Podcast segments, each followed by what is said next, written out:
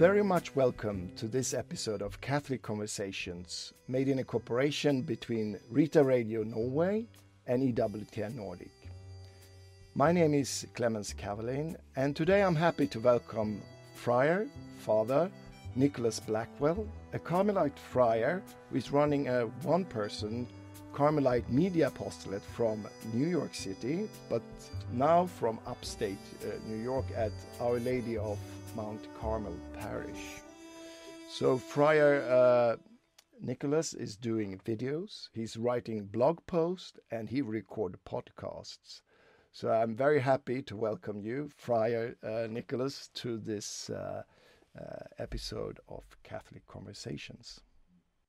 Well, thank you very much, and uh, it's it's a great. I'm just very grateful to be here with you today and to be able to, you know, do what I can to, to aid the church in the Nordic countries. You you were born and grew up in uh, rural Michigan, and you, I read on on your uh, webpage that you said you have the farm boy's heart. So, uh, what kind of upbringing was that? So, I little it's a little farm town of Mayville, you know, kind of more cows than people. Um, my dad built cars for General Motors. Uh, my mom did other sort of uh, medical work things. And you know, we were out in the in the farmland. We had a little hobby farm, about 20 acres. Uh, leased a lot of it out for for raising crops to feed cows. Uh, but my dad was uh, was a hunter. So we, my brother, I have a little brother. He and I we did a lot of hunting with dad, deer and turkey and sometimes bear, along with small game things, rabbits and and whatnot, birds. And, you know, so it was, you know, there wasn't many kids around. The closest kids, we had to walk over a, a mile away, a little under, you know, about maybe two kilometers uh, away. So, you know, he and I were always sort of stuck together. So we had to, you know, we were always doing things outside. And I didn't appreciate at the time. I didn't even appreciate it in my, you know, my early 20s. Uh, but the older I get, you know, the, the deeper and the better I see that my roots are in terms of nourishing my sort of inner life and things from my time uh, growing up in the, in the rural farmland. We actually just had a rogation day, a mass to pray for uh, farmers and ranchers so because uh, we're getting ready for the uh, planting season, planting seeds and stuff. So we had a big blessing of the seeds at the National Shrine of Our Lady Mount Carmel in Middletown. So and that really came out of my desire to do something like that because of my farming background and rural country boy background. So was it the Catholic upbringing? My dad's side is Methodist. Uh, my mom's side, uh, the heritage, sort of German German Catholic, came from Bavaria many generations ago. Uh, my grandmother, uh, my mom's mom, wanted to make sure all of her grandbabies were baptized Catholic. But my mom had me very young, like right out of high school. Uh, she was 18, and she became pregnant with me. Um, and then I was a sick baby when I was born. I had hearing issues. I had walking issues, a little bow-leggedness. Uh, I just I was not, you know, a problematic baby in terms of health issues, and her still being just a girl, you know, herself, you know, 18 years old. Uh, and then my dad having to go right into the shops to make sure that there was money coming in and there was money for doctors and things. They were more concerned about like like Pampers and food than catechism. So I wasn't really raised with any faith. Um, I remember as a kid growing up, you know, there were some funerals. I remember a couple of my cousins having a confirmation party you know. Uh, but I, I, I didn't know anything about the Catholic Church. I didn't really know I was t- Catholic until I was, you know, almost going to college. So anything with religion was very foreign to me. So my parents told me, you know, like we'll help to pay for some of your college, but you have to stay in the state. So I wanted to get far away from my family. Michigan's quite a big state. So I went to, there's two peninsulas in Michigan. There's the lower peninsula, uh, which is surrounded on all parts the upper one by what we call the Great Lakes, Lake Michigan, Lake Huron, um, Lake Erie. And then there's the Upper Peninsula, uh, which is surrounded by several lakes. So I went to what's a place called Northern Michigan University and Marquette University. A lot of the Upper Peninsula has a lot of uh, uh, Catholic names and things because of the French Jesuits that came by through the fur trading days. Uh, it, you know, almost I would dare say pre-colonial times uh, when the fur traders were coming over. So, you know, Marquette for Pierre Marquette, Father Marquette, uh, which was like eight hours away from where I lived. You know, so I was in the one state, but it was like an eight hour drive away. Uh, so I went up there and I ended up studying history Um, it's a very it's on Lake Superior, so we wouldn't cancel classes unless it was like negative 30 degrees Fahrenheit. I don't know what that is in Celsius. I apologize. Uh, we, we used to get snow like six foot deep. Um, we'd have moose and bear would sometimes go through campus. Uh, so it was really, really, really cold. We were pretty far north of the uh, 35th parallel, so it's known for its its great winters. During your during your uh, college years, you came to the faith. How did that happen? Uh, the Holy Spirit had a big hand in it, obviously. Um, I was not a very good man. I was in a fraternity. I was very socially engaged. You know, I was all over, you know, doing a lot of, if you were just to look at, you know, what I was doing on the surface. Oh, look at this man is socially conscious and he cares about, you know, the poor people and he cares you, you but if you scratch the surface, you could see I didn't care about any of these people. All the people I were helping, all, all the things I was doing, it was to make my resume to look good. It was to build contacts and networks. It was, it was all about me, me, me. I was the center of everything in my life. And then in October of 2004, I'm walking through campus. There's there was nothing really big uh, going on in my life, nothing of of extreme, you know, that would cause a, a soul reflection, you know. And next thing you know, as I'm walking through campus, it's early October, a, a, little whisper comes in my head, a little question. And it says, Why don't you go to church? That was it. It just asked me a little question. Why don't you go to church? And I stopped in my tracks and I said, Why the nice HE double hockey stick go to church, you know?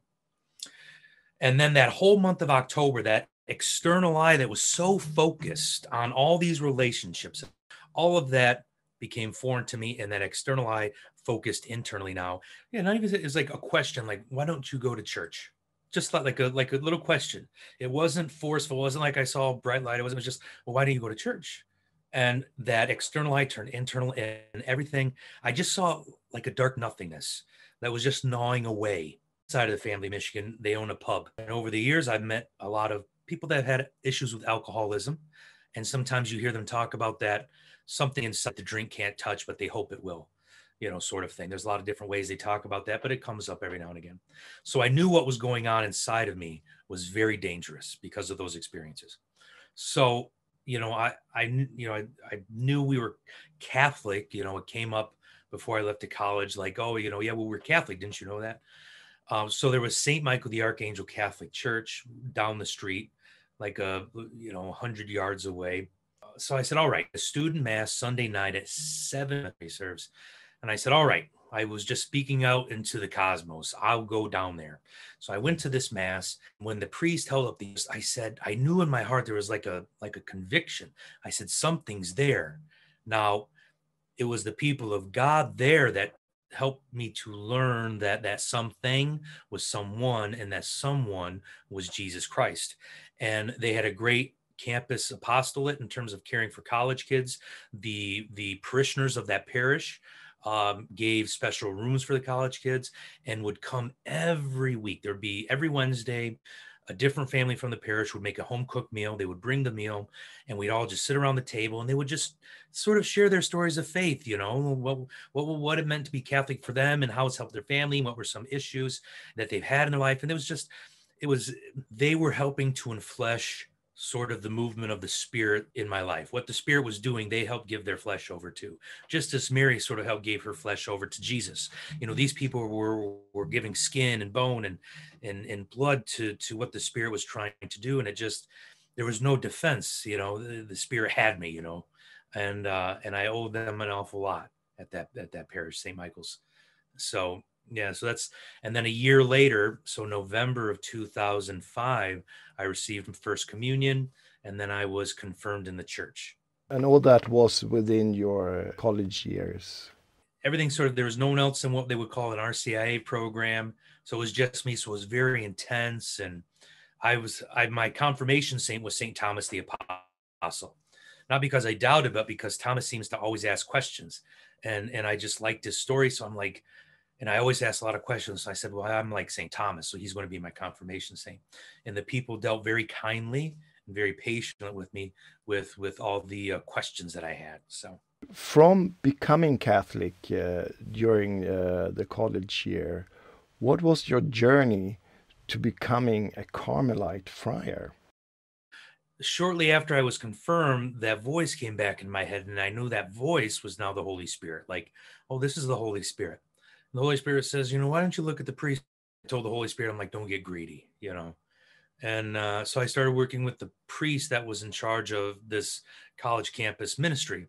Um, so I was getting ready to graduate. It was, you know, May 2006. I was graduating from the university.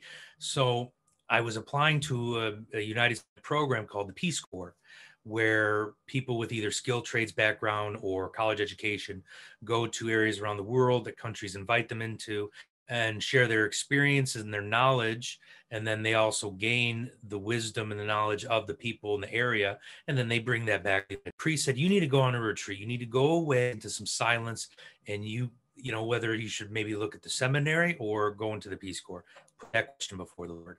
So there was a Jesuit retreat place down by my family house in in uh, the Lower Peninsula. Uh, so I I did just that. You know, I had a retreat master. I put the question for him before God. You know, which one do you want? Do you want me to look at the seminary, or do you want me to look at the Peace Corps? And it came through very loudly in that that retreat that my my t- faith needed some testing, so I should go into the Peace Corps. So I went to the Peace Corps. Uh, I finished the application. I was accepted in the fall of 2006 um, and I was going to go to the Gambia in West Africa. Uh, so I went there in January of 2007. I was there for about a year. So the weather was not my cup of tea. It was very hot all the time, which was a little rough.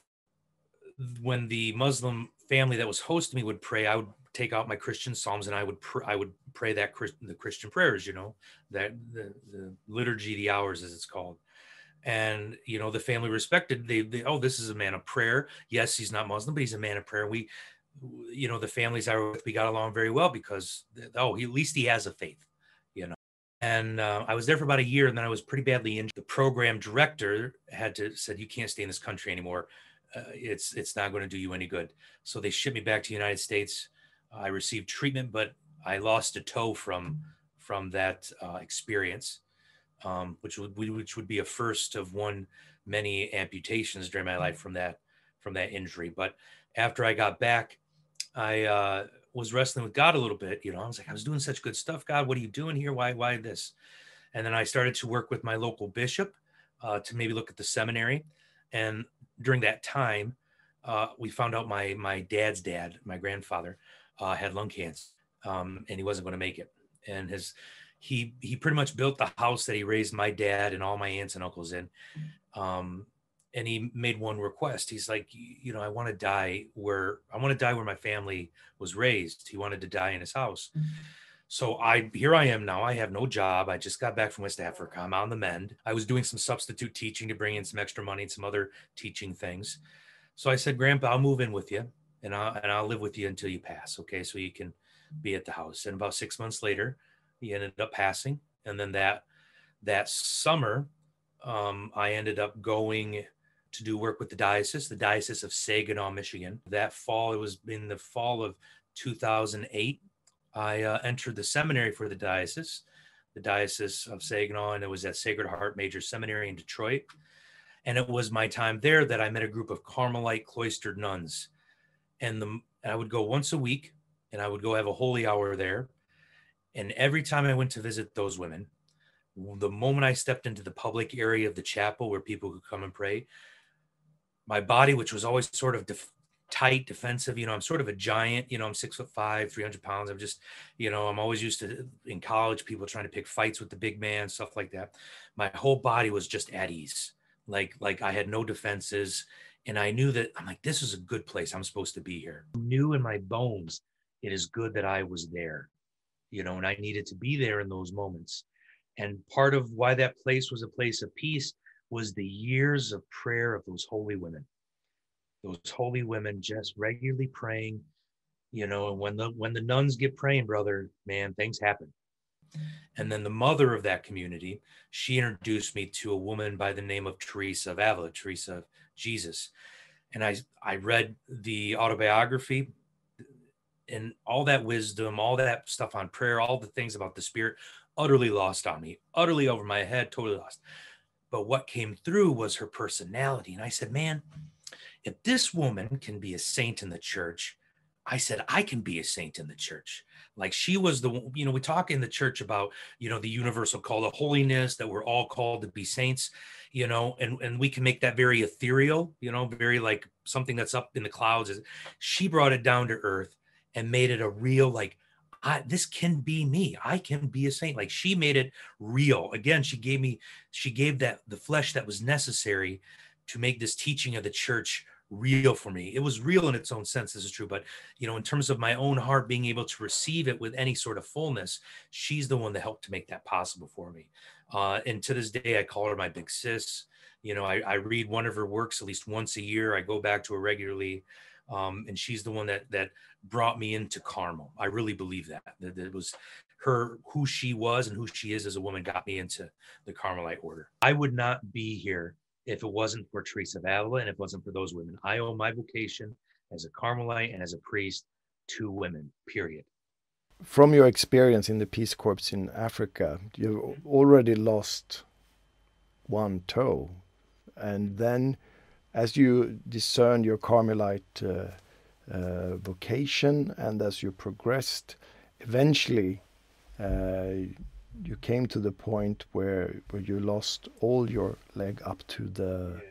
to the knee, and that must really have been a, a, dark night. Was this something that came? That that came uh, first. You had a couple of years of active uh, ministry as a Carmelite, and then this mm-hmm. came. So over the years, you know, I would get ulcers. What happened was this infection caused a lot of nerve damage in my left foot. And that nerve damage I, I didn't know this at the time and doctors were, didn't really tell me about this but that nerve damage it when your nerves go it caused bone density issues. You know so my bones in my left foot were getting weaker and weaker. And I, you know i was you know i was five miles a day walking. You know i'm an outdoor guy. I love camping. I love fishing you know like i was a very active person you know i'm a very much of a martha versus a mary mentality. So you know like i would get ulcers and i would have to fight for a couple of months and it would get healed up. And then uh, you know right around a little bit before 2015 you know like oh some of the bones were going oh we have to take these bones these little bits of bones and then these little bits of bones. And then finally i lost half of my foot in march no in february of 2015 you know so so then after i lost the front half of my foot you know i was good for a couple of years till 2019 i was good things were going all right i had a I had a partial prosthetic, you know, that would sort of go into a shoe and would wrap around the leg. Um, things were going well. I didn't I didn't really have any issues. Um, you know, I would do you know inspections, make sure things were healthy and stuff, and go to the uh, foot doctor regularly and, and all that stuff. Uh, finished up my seminary studies. I even went with my partial prosthetic. I went down to Peru to study Spanish, and I went hiking in the Andes, you know, with a partial prosthetic. You know, like here I am, and um, I was received formally in the order and had made my solemn vows in August 2016. And then I was ordained a priest in 2017. And then right around St. Patrick's Day of 2019, I uh, I felt really bad. Like I just I was having a fever, and then it would go away, and then I would have a fever and it was going away. And so finally it's St. Patty's Day. Um, St. Patrick, sorry. I'm used to what they say in the city.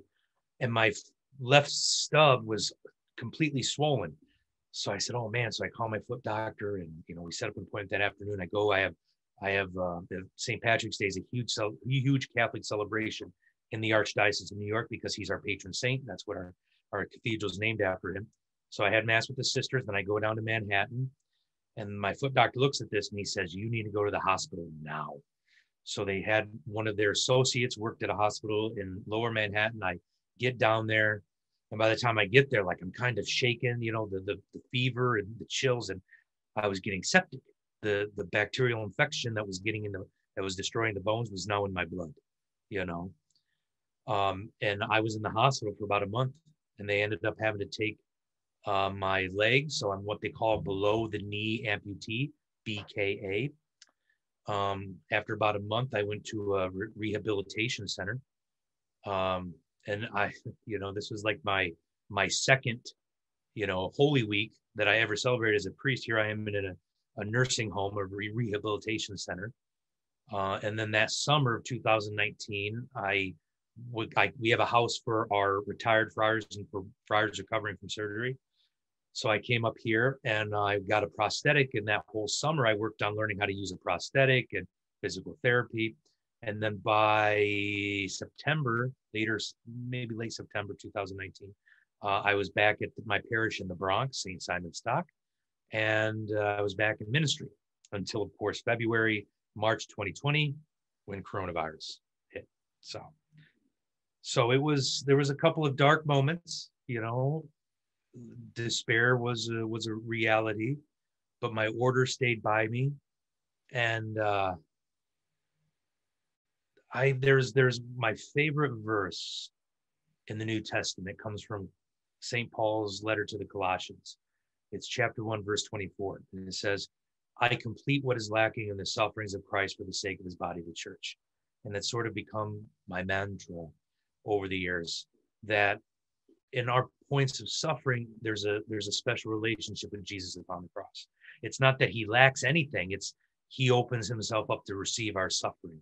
So this is that redemptive suffering aspect. And I just find when the when despair would become knocking at the doors of my heart, trying to have me give up hope, um, I would just remember that that verse from St. Paul. You know, I complete what is lacking in the sufferings of Christ for the sake of his body, the church. And, you know, I just said, Lord, thy will be done, you know.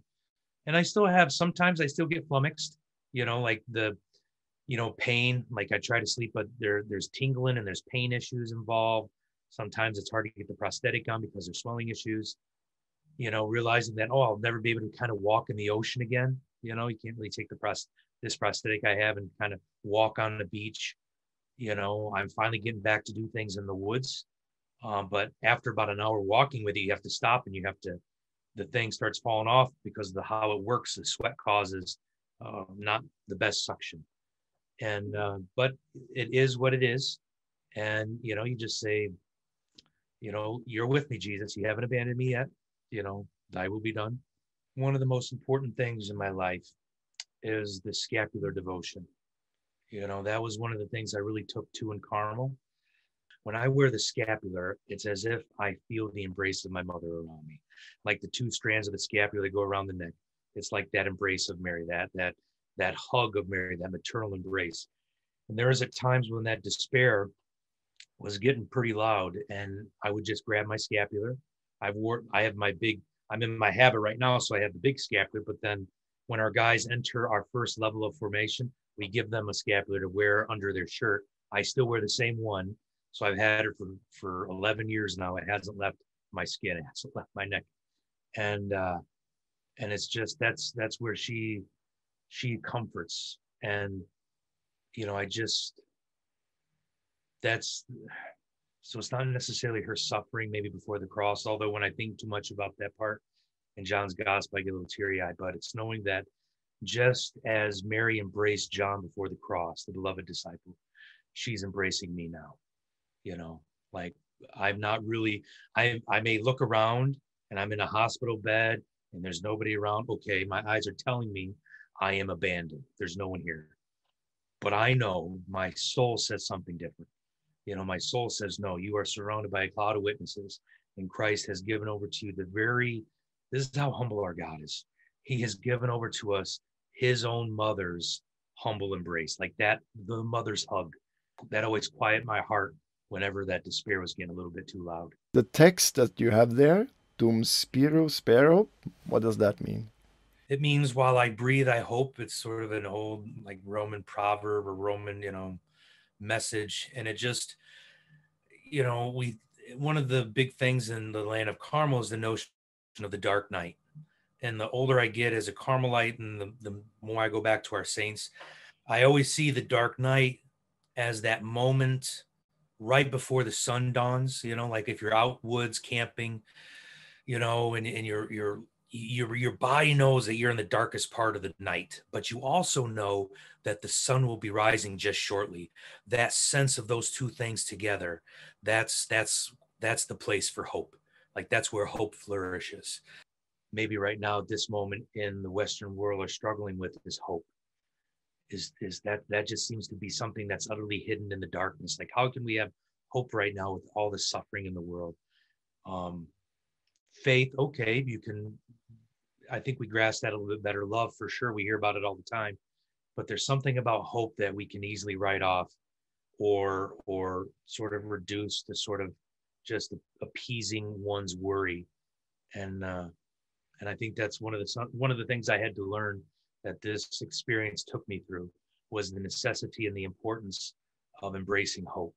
And when when did you start your Carmelite multimedia apostolate? Well, it was August of 2017. I was getting ready to be ordained, and I was talking with my provincial, you know, because I, I had a back, I studied history in, in university, and um, I did com- like database administration, so I was a little familiar with technology.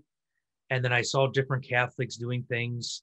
Bishop Barron was was already sort of becoming bigger at that time.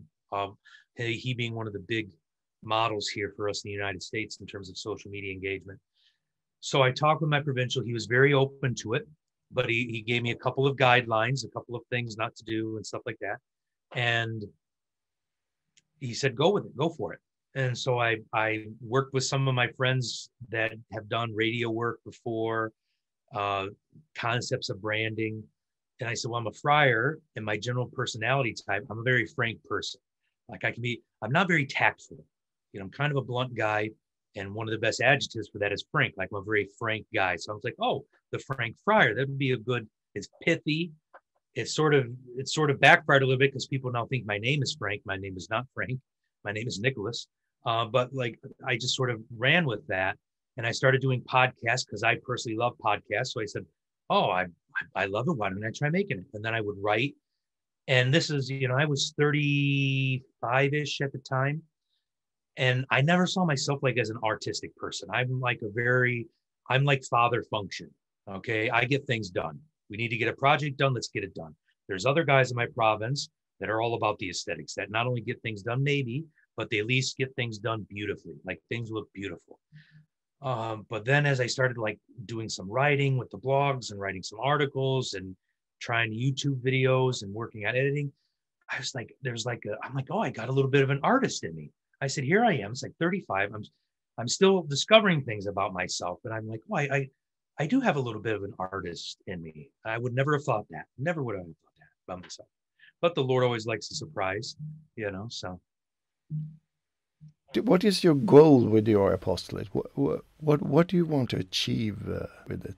If one person watches one of my videos and they walk away knowing God loves them and God wants them, and be not afraid to return, then I then that there you go. That's everything for me.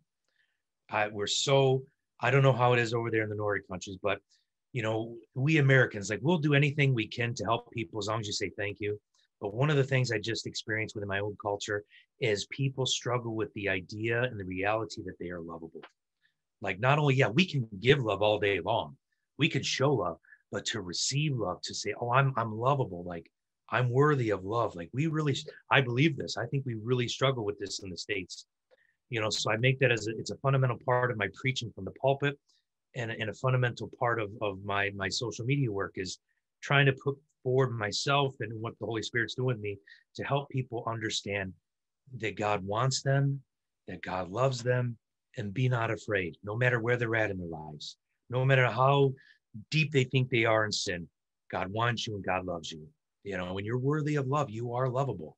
Everything I do in terms of social media, if I can render it down to that, that's that's what it's about. So, what what advice would you give to uh, a Carmelite media mission in, in the Nordic countries based on your ex, your experience? Know your history. Know your history. You know, are there things in the Nordic country that are a little bit rough in terms of your historical background? Yeah, but there's a lot of beauty there too. And there's no defense against beauty. We think of God's providence, and the image I like to put forward is a tapestry, you know, and like one of the big night, you know, you go to a castle and you have the tapestry on the wall and you see the front of the tapestry, you know, and it's beautiful. It's, it's amazing. It's profound.